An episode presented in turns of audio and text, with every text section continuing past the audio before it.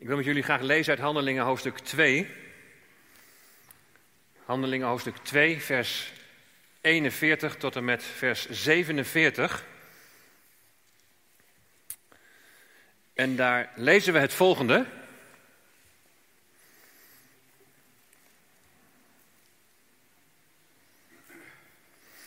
Zij nu die zijn woord met vreugde aannamen, dat is boven, er ontstaat een relatie met God.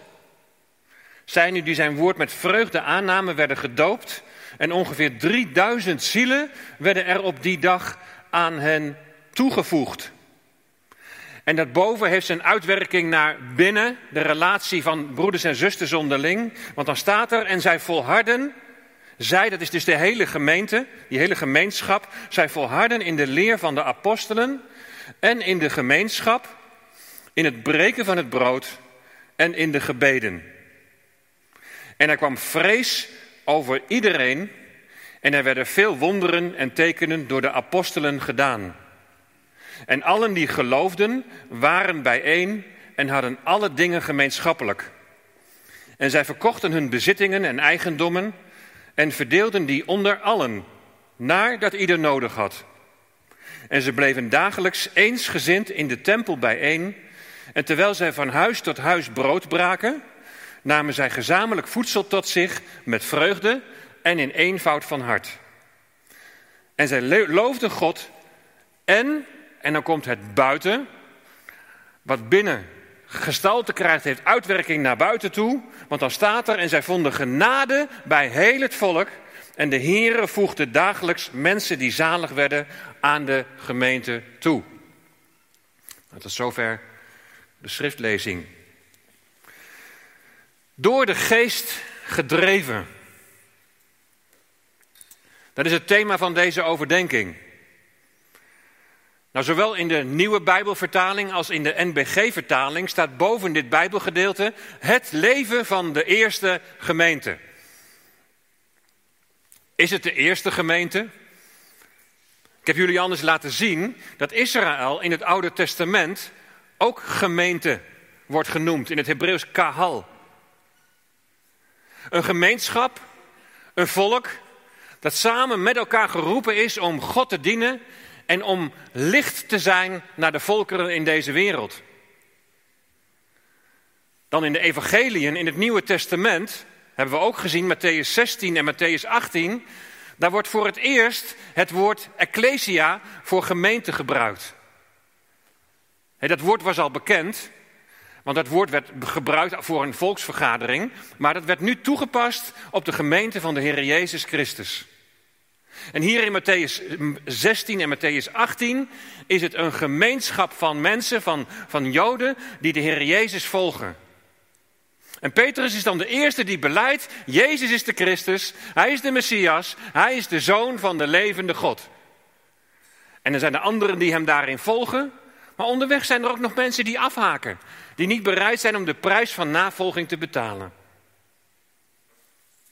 Uiteindelijk zijn ze op de Pinksterdag met 120 mensen zijn ze bij elkaar. En dan wordt de Heilige Geest uitgestort. Mensen worden diep in hun hart geraakt. Ze bekeren zich, ze laten zich dopen en vormen dan een gemeenschap met elkaar. Mensen die beleiden dat Jezus Heer is, dat Jezus de Christus, dat Hij de Messias is. En op de Pinksterdag, dan wordt die gemeenschap in één klap uitgebreid met 3000 mensen. De mensen die tot bekering komen, die, die de Heer Jezus als Heer beleiden, dat zijn Joden en Jodengenoten. Zij zijn uit het volk Israël en op het moment dat de Heilige Geest wordt uitgestort, zijn zij een rest uit het volk die hun knieën buigen voor koning Jezus. Dus na Pinksteren is er niet sprake van de eerste gemeente. Er was uit die grote gemeente van Israël een groepje van 120 personen die Jezus aanvaarden als Messias. En op de Pinksterdag wordt die gemeenschap in één keer uitgebreid met 3000 mensen, Joden en Jodengenoten. Er is wel iets bijzonders met die gemeenschap na Pinksteren. Want de Heilige Geest wordt niet alleen uitgestort, maar hij komt ook wonen in de gelovigen. En dat is het onderscheid na Pinksteren. De Heilige Geest die permanent woning maakt in de gelovigen. Dus in die zin zou je kunnen spreken inderdaad van ja, de eerste gemeente. Een gemeenschap van gelovigen die door de Heilige Geest in één lichaam zijn gedoopt en met elkaar verbonden door diezelfde geest. Wat ik wel mooi vind van het opschrift, is dat er boven staat het leven van de eerste gemeente. Er staat niet boven de leer van de eerste gemeente, maar er staat boven het leven. Ik zeg niet dat leer niet belangrijk is, dat, dat komt zo meteen nog wel, maar het is de bedoeling dat bekering, dat waarachtige bekering, dat dat nieuw leven tot gevolg heeft. Nou, als ik dit hier zo lees in Handelingen 2, dan, uh, ik weet niet hoe het jullie vergaat, maar dan, dan stemt me dat best wel tot nadenken over wat gemeenten zijn nou eigenlijk ten diepste inhoudt. als je iets weet van de kerkgeschiedenis en hoe het gemeente zijn zich heeft ontwikkeld, dan krap je je wel eens achter de oren en dan denk je van, wat, is er eigenlijk in die jaren allemaal gebeurd? Wat is er over van dat organische, wat je hier zo leest in Handelingen 2? In hoeverre heeft, is dat leven ook, ook echt zichtbaar geworden in, in de gelovigen, in jou en mij? En ik weet best wel dat het ook al heel snel weer misging daar. De gemeente in het begin was niet perfect, want het bestond uit onvolmaakte mensen. En dat lees je ook in het vervolg van handelingen. Niets is de gelovige vreemd. Strijd, verdeeldheid, ruzie, dwaalleer, haantjesgedrag, onreinheid.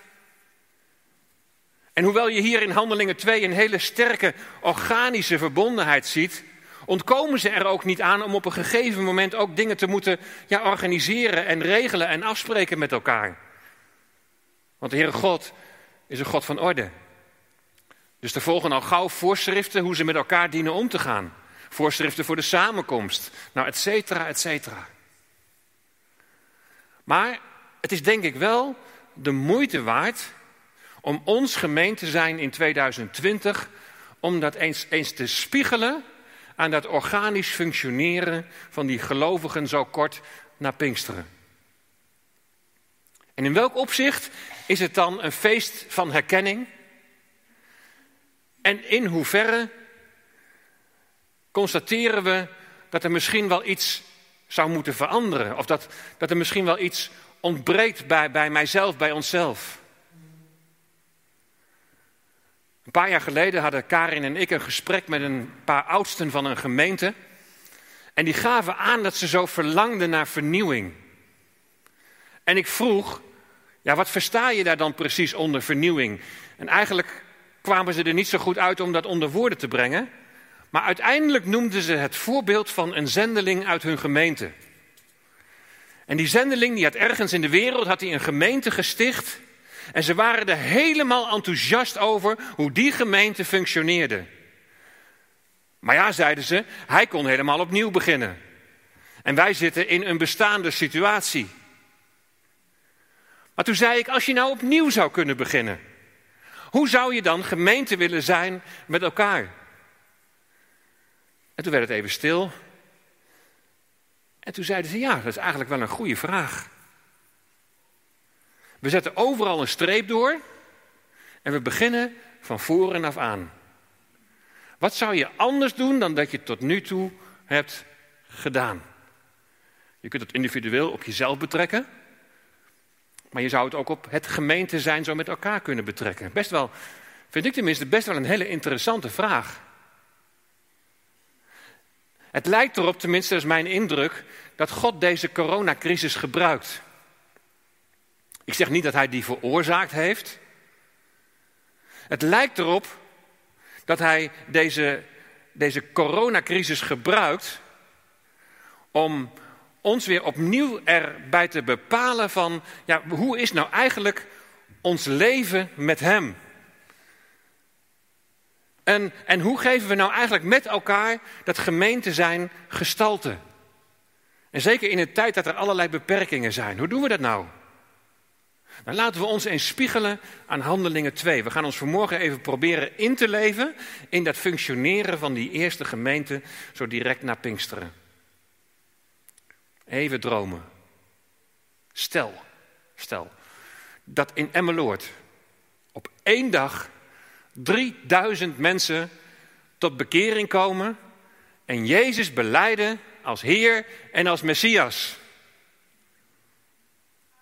Geloof je dat zo'n massale bekering mogelijk is? Is het überhaupt iets wat je, wat je bezighoudt? Is dit iets waar je, waar je over nadenkt? En nu gaat het me helemaal niet om de aantallen, maar meer het verlangen dat mensen de Heer Jezus zullen leren kennen. Dat ze dan ook niet alleen maar zekerheid van eeuwig leven zullen ontvangen, dat is al een geweldige rijkdom, maar dat, maar dat zij ook die, die radicale verandering in je leven die je zelf hebt ervaren, dat ook zij dat in hun leven zullen ervaren. Stel je voor, 3000 mensen in één keer. Kijk, de discipelen hadden gewoon gedaan wat Jezus hen had opgedragen. Jullie zullen mijn getuigen zijn. En ze hadden geen idee wat de gevolgen zouden zijn. 3000 mensen komen tot geloof. Nou, waar gaan dan je eerste gedachten naar uit? Help, het gebouw is te klein. Waar kun je met 3000 mensen samenkomen? Gaan we op meer plaatsen samenkomen? Gaan we livestreamen op andere locaties? Of gaan we onze muziekteams verdelen? Hoe gaan we dit allemaal organiseren? Hoe gaan we dat allemaal doen? Helma die raakt helemaal in paniek, want er zijn niet genoeg kinderwerkers. Dat is nu soms al lastig. Maar 3000 mensen, dat betekent ook een heleboel kinderen. En je kunt toch van die 3000 mensen nog niet zo heel veel verwachten. Die zijn net tot geloof gekomen. Hoe vangen we de jongeren op? Het Douwe die zit nu al te zweten om, om de vacatures opgevuld te krijgen. De 16 plus kan nog niet eens beginnen. Laat staan dat die 3000 mensen ook allemaal hun tieners mee gaan nemen. Hoe moet dat?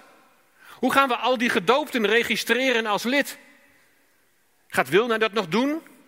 Of draagt ze dat over aan haar opvolger? Ze heeft het zoveel jaren met toewijding en passie gedaan. Maar dat is toch wel een beetje te veel gevraagd, lijkt me. Je zou wel een administratiekantoor mogen beginnen. Hoe deden ze dat na Pinksteren? Ze hadden nog helemaal niks georganiseerd. Geen gebouw, geen muziekteam, geen kinderopvang, geen ledenregistratie, geen uitgewerkt eh, onderwijsprogramma en noem maar op. Wat zien we daar gebeuren in Jeruzalem? En wat is nou de les voor ons vandaag? Tijdens de openluchtdienst op Urk heb ik gelezen dat mensen door de boodschap van Petrus diep in hun hart werden geraakt. En dat diep in het hart geraakt worden, dat is een werk van de Heilige Geest. En wat de Heilige Geest dan doet, dat is bevestigen wat daarvoor verkondigd is. En wat in de toespraak van Petrus opvalt, is dat er wel tien verwijzingen zijn naar teksten uit het Oude Testament. Naar de profeet Joël, naar de profeet Jezaja, naar de psalmen. En dat klinkt natuurlijk heel vertrouwd voor deze Joden en Jodengenoten. Ze gaan inzien dat, dat Jezus, dat hij de verwachte zoon van David is. Door de handen van wetteloze mensen hebben jullie hem aan het kruis genageld, zegt Petrus. En dan zeggen ze, wat moeten we doen? Het gaan geloven, dat is niet zomaar ergens een goed gevoel bij krijgen. Een warme tinteling of een lichtgloed op een onverwacht moment. Het is het moment dat de Heilige Geest in je hart bevestigt dat het evangelie van Jezus Christus waarheid is. Dat Hij de dood heeft overwonnen. Dat Hij stierf om jouw zonde te vergeven en zo de weg heeft geopend naar je schepper, naar de Vader in de hemel. Dat Hij deze schepping zal herstellen. Dat Hij zal regeren. En als dat tot je doordringt, kan dat gepaard gaan met warmte, met licht, met, met een werking in je lichaam. Maar, maar dat hoeft niet. Het is alleen al die bevestiging die je in je hart ontvangt. Dit is het. Dit is waarheid. Die innerlijke zekerheid is voldoende. En dan geldt voor hen die geloven en zich laten dopen, dat ze de belofte van de Heilige Geest ontvangen. De eerste vraag die dan vaak door mensen wordt gesteld die nog niet zijn gedoopt door onderdompeling, die is van ja, heb ik dan de Heilige Geest niet ontvangen? De Heilige Geest ontvang je door de wedergeboorte. Dat is het moment dat er in je hart door de Heilige Geest de overtuiging is dat Jezus de Messias is, de gekruisigde en de opgestane Heer. Maar wat je dan voortdurend in het woord ziet, is dat geloof en doop gewoon een twee-eenheid zijn. Ze worden onlosmakelijk van elkaar verkondigd. Het is niet los te zien. Kijk, hier in Jeruzalem zien we, er is nieuw leven ontstaan in de harten van 3000 mensen. Petrus die heeft gesproken door de Heilige Geest. En ze hebben dat nieuwe leven, hebben ze ook in hem gezien. En hij zegt, nou, nu is het tijd dat jullie je ook laten dopen. Dus laten ze zich dopen. Het scheelde natuurlijk wel dat dopen door onderdompeling al een bekend gegeven was voor de Joden. Zij het dan met een andere betekenis. En er was ook nog geen geschiedenis van, van besprenkeling. Petrus werd door de geest gedreven. En datzelfde zien we ook gebeuren bij deze 3000 mensen die tot geloof komen. Ze worden door de geest gedreven. Ik kreeg de indruk dat die oudsten waar we dat gesprek mee hadden, die verlangden naar vernieuwing in de gemeente, dat het, dat het hen helemaal niet zozeer ging om de gemeente op een andere manier te organiseren en op die manier andere dingen te willen doen. Maar wat, wat we uit hun getuigenis zo proefden was dat er op dat zendingsveld, dat daar leven was. En dat er nieuw leven werd toegevoegd. En daar waren ze enthousiast over. En als ze heel eerlijk waren en wat naar hun eigen gemeente keken, zeiden ja, we zijn eigenlijk toch wel een beetje ingedut. Trouwe kerkgangers, maar waar het leven niet echt van afdruipt. En wat we dan doen, dat is dan toch maar een beetje proberen die boel te activeren. Wij hebben als gemeente daar zelfs iets over vastgelegd in ons huishoudelijk reglement. En we laten iedereen tekenen voor akkoord met statuten en huishoudelijk reglement om dat maar op de een of andere manier te borgen. In artikel 2 lid B staat iets over actief lidmaatschap. De gemeente verwacht van al haar leden een actief lidmaatschap dat tot uiting komt door één, een levenswandel overeenkomstig Gods woord en de door de doop afgelegde beleidenis. Twee, het naar vermogen trouw bezoeken van de erediensten, het deelnemen van het avondmaal, het bezoeken van de huiskringen en van de bijeenkomsten gericht op gebed en of onderwijs. Drie, het naar vermogen inzetten van de gaven en talenten in en tot opbouw van de gemeente. En vier, via bankaire overmaking of eventueel ook op andere manieren, naar vermogen financieel bij te dragen tot het instand houden van het werk van de gemeente. Maar ga je dit nu in praktijk brengen omdat het vast is gelegd en omdat je daar een handtekening voor hebt gezet? We zien hier in Handelingen 2 dat nieuwe leven, dat nieuwe leven dat automatisch ontstaat. Dat automatisch, dat voorgaande wat ik net uit het artikel allemaal heb genoemd, vanzelf uitwerkt. Daar hoeft niet te worden gestimuleerd, Nee, dat komt voort uit dat nieuwe leven dat je in Hem hebt ontvangen. Dat verlangen om te dienen, om betrokken te zijn. Nou, laten we eens kijken in vers 42 en vraag je voortdurend af of je dat nieuwe leven, of je dat ook bij jezelf herkent. Vier dingen waar ze in volharden. Het was niet even een bevlieging, even een moment van in vuur en vlam staan en dan weer overgaan tot de orde van de dag.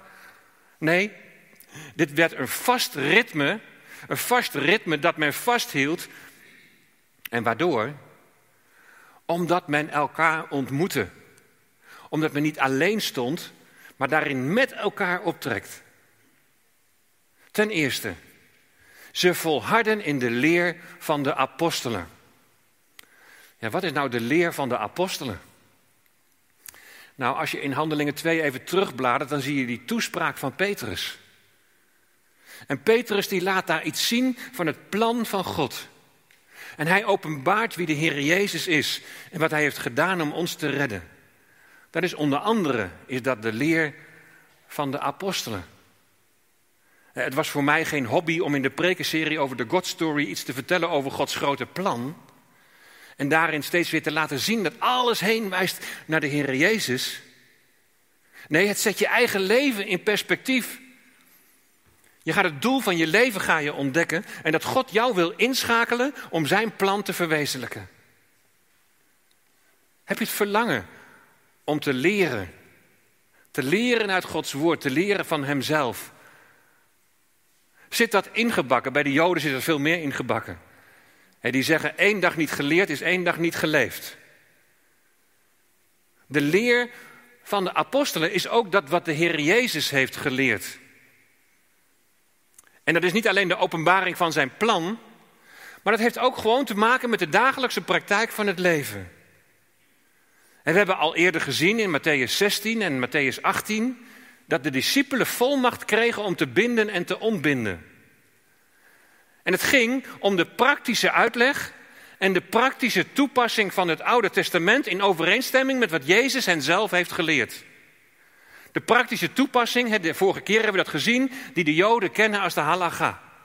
Dat is ook de leer van de apostelen. En Jezus had ze nog niet alles kunnen leren. Maar zegt hij, zei hij tegen zijn discipelen: Ik zal jullie de trooster zenden, de Heilige Geest. En die zal jullie de weg wijzen in de volle waarheid. En in de brieven van Paulus en Petrus en Jacobus en Johannes, dan zien we hoe ze geleid door de Heilige Geest ook het praktische leven aan ons voorhouden. Allemaal leer van de apostelen. Samengevat leven in afhankelijkheid van God, geleid door de Heilige Geest. En zo van binnenuit gehoorzaamheid leren. Leren doen wat hij zegt. En wat hij zegt, ja, dat vinden we allemaal hier in deze Bijbel. Herken je dat nieuwe leven? Het willen zoeken, leren wat zijn wil is voor jouw leven.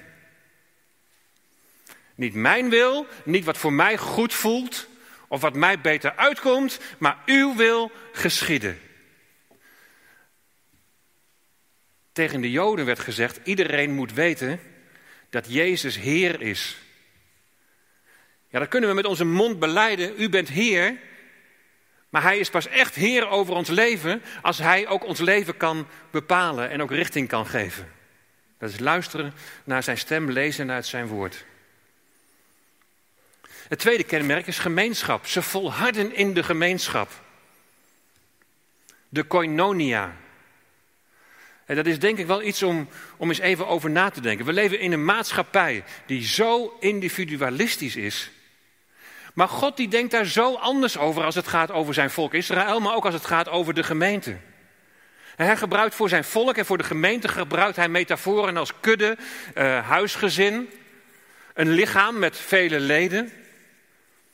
Een kenmerk van nieuw leven is dat gelovigen samenkomen en gemeenschap met elkaar hebben. Je ontmoet elkaar, je deelt met elkaar de leer van de apostelen, de Bijbel gaat open en je deelt met elkaar wat het betekent, wat het voor jou betekent om de Heer Jezus te volgen. En je deelt met elkaar waar jij tegenaan loopt en wat jij moeilijk vindt. Je deelt je leven met elkaar. Wat vind je moeilijk? Wat maakt je verdrietig? Je bidt voor elkaar, samen bidden, samen zoeken naar het plan van onze Heer. Er zijn mensen die al vanaf half maart niet meer in de kerk zijn geweest. Sommige huiskringen hebben nog op halve kracht gefunctioneerd, maar sommige ook helemaal niet meer. De helft van onze gemeenteleden die gaan helemaal niet naar een huiskring. Misschien heb je andere netwerken waar je medegelovigen ontmoet en waar je in praktijk brengt wat we hier net met elkaar hebben gelezen in Handelingen 2. Maar anders vraag ik me echt af van hoe, hoe ben je die tijd doorgekomen? Ik kom ook mensen tegen die, die dat leven zoals we hier hebben gelezen eigenlijk helemaal niet kennen. Kijk, het vervangen van de dienst door de livestream is natuurlijk dan niet helemaal op en top, zeggen ze dan. Maar ach, eigenlijk is het wel prima zo. Ja, het is prachtig dat het kan, maar het is helemaal niet prima zo. We zijn gemaakt om elkaar te ontmoeten, met elkaar op te trekken. Als er geen gemeenschap is, als je op een eilandje staat, dan komt dat nieuwe leven komt niet tot bloei. Als je die gemeenschap mist, dan wordt er niet af en toe even bijgesnoeid. De dode knoppen eruit gehaald. Je krijgt niet even een, een, extra water, een bemoediging van iemand om je even uit, uit je somberheid omhoog te tillen. Die gemeenschap. Zo enorm belangrijk. En dat blijkt ook uit het volgende kenmerk, het breken van het brood. In de commentaren is er dan discussie of het nu gaat om gemeenschappelijke maaltijden of een avondmaalsviering. Nou, als een Jood dit leest, het breken van het brood, dan weet hij direct waar het over gaat. De uitdrukking breken van brood wordt legempat genoemd. Aan het begin van een sabbatsmaaltijd breken ze het brood en dan wordt er wijn gedronken. En daar hoort dan ook de zegenspreuk bij, de buraga. En dat is precies wat de Heer Jezus deed, wat Klaas toen straks las. De Heer Jezus brak het brood, staat er, en hij sprak de zegen uit. En de zegen die dan uitgesproken wordt is: Gezegend bent u, Heere onze God, koning van het gehele universum, die brood uit de aarde laat voortkomen. En er wordt ook gezamenlijk wijn gedronken. Daar is weer een aparte zegenspreuk voor. Gezegend bent u, Heere onze God, koning van het gehele universum, schepper van de vrucht van de wijnstok. Deze Joodse gelovigen in Handelingen 2, die waren bekend met het breken van het brood. En daar de buraga, de zegen over te vragen, over uit te spreken. Ze deden het aan het begin van iedere maaltijd en ook, ook samen dronken ze de wijn.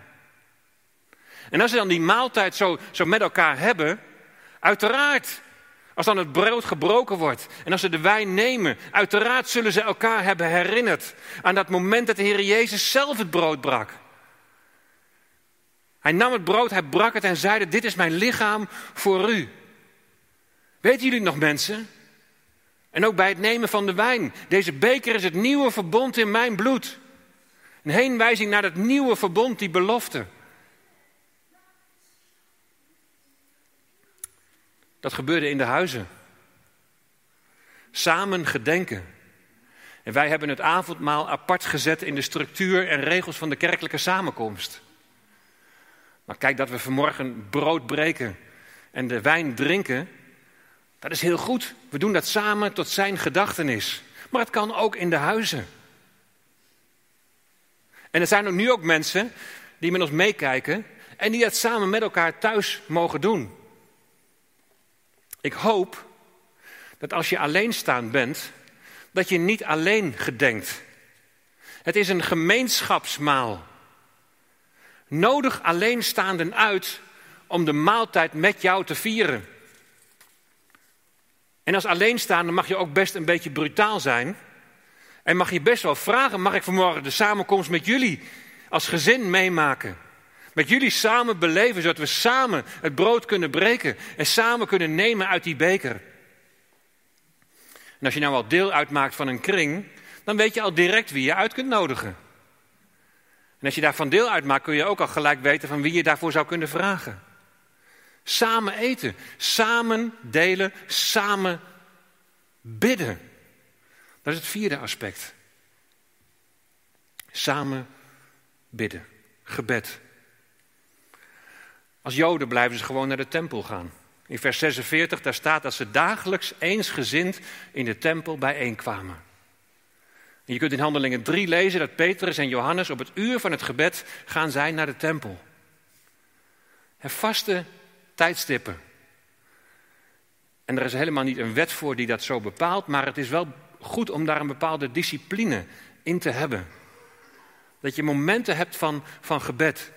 Aan het begin van de dag, aan, aan het eind van de dag, bij de maaltijd. En doe dat ook, ook gezamenlijk. Ze volharden samen in het gebed.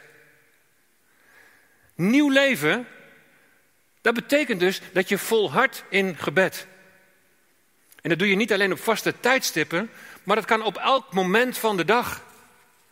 Heb je dat wel eens gehad dat je door de natuur fietste? En dat je zo onder de indruk zag van wat je allemaal zag. Die pracht en die schoonheid van de natuur. En dat het gewoon in je opwelde om, om de Heer te loven en te prijzen. Of dat je momenten had dat je gewoon niet wist wat je moet zeggen. Dan zeg je, Heer, geef mij woorden. Heer, geef mij wijsheid wat ik op dit moment moet doen. Voorbeden doen voor mensen in nood, de nood in deze wereld. Kan op vaste momenten, maar misschien word je er tussendoor wel bij bepaald. Gebed om Gods wil te vragen. Heer, hoe moeten we deze tijd nou duiden? En wat wilt u ons in deze bijzondere, vreemde tijd, wat wilt u ons duidelijk maken? Wat wilt u nou dat wij afleggen? Wat wilt u dat wij anders gaan doen? Kijk, de eerste vraag is niet, wat moet je nou anders gaan doen qua organisatie en, en qua activiteiten? Maar de eerste vraag is, bruist dat nieuwe leven in jou? Hoe is jouw relatie met boven? Bid je dagelijks om de vervulling met de Heilige Geest? Bid je dagelijks om zijn leiding over de dag? Bid je dagelijks om, om zijn bescherming? Welke plaats heeft binnen in je leven? Die gemeenschap van gelovigen. Als je in gemeenschap met God leeft, dan zal Hij je overtuigen van het belang van gemeenschap met medegelovigen. Want Hij heeft dat zo zelf bedacht en Hij heeft het zo bedoeld.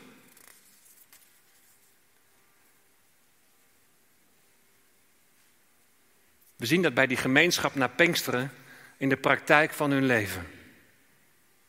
Ze loofden God, staat er in vers 47.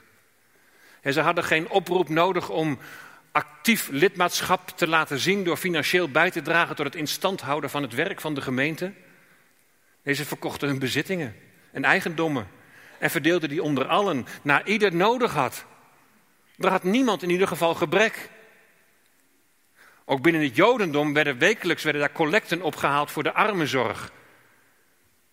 Maar dat was een, dat was een verplichting, die bijdragen. Maar de gemeenschap van gelovigen die onderscheiden zich daarvan door het vrijwillig te geven. Het was een zaak niet van opgelegd en een handtekening, maar het was een zaak van het hart. Er leed niemand gebrek, kun je lezen in Handelingen 4, vers 34. En weet je, dit alles, die relatie met God en die relatie, die gemeenschap van gelovigen, als dat zo gestalte mag krijgen, dan heeft dat vanzelf zijn uitwerking ook naar buiten. En de Heere voegde dagelijks toe aan de mensen die behouden werden. Ze vonden genade bij het hele volk. Zoals zij daar functioneren, dat is bijzonder. Als wij die gemeenschap op deze manier gestalte zouden kunnen krijgen, dan onderscheiden wij ons op een hele bijzondere manier van deze wereld waar steeds meer sprake is van individualisme. Waar het gaat om ik. En de Heere voegde dagelijks toe. Hoe geweldig zou het zijn als velen in Emmeloord, of in Tollebeek, of op Urk, of in Ens, of in Marknesse, of Kruil, of waar dan ook, dat velen tot geloof zouden komen. In Emmeloord 3000. Hoeveel gelovigen zouden er nu zijn? 3000? Misschien wat meer. 6000? Maar dan zijn er altijd nog 24.000 die Jezus niet kennen. Laat de aantallen maar los. Maar laten we ons richten naar boven en Heren, help ons. Help ons om, om gemeente te zijn zoals u dat bedoelt. Neem van ons weg wat, niet van u is. Reinig ons. Twee weken geleden gingen we allemaal op onze knieën aan het begin van de dienst. Reinig ons. Neem weg wat niet is tot uw eer. Help ons om onze agenda's goed te beheren. En die niet vol te laten lopen met allerlei dingen die, die misschien helemaal niet van belang zijn. En die de gemeenschap van de gemeente onder druk zetten. Volgende week kunnen er ook mensen opgeven voor Urk. Om daar samen te komen. Ja, een livestreamdienst. Daar kan ik thuis toch ook zien? Ja, natuurlijk. Maar het gaat om die gemeenschap. Om het elkaar ontmoeten. Want misschien kom je daar wel een broer of een zus tegen die het moeilijk heeft. En die zegt, maar mag ik voor je bidden? vreemde tijden. Maar ook een tijd om gewoon eens even te reflecteren. Waar sta ik nou in mijn geloofsleven? En hoe sta ik nou in het leven van ja, die gemeenschap, van de gemeente van de Heer Jezus Christus? We hebben elkaar zo hard nodig. En laat het zo zijn dat wij met elkaar een getuigenis mogen zijn. In de plaats waar we wonen, in de wijk waar we zijn.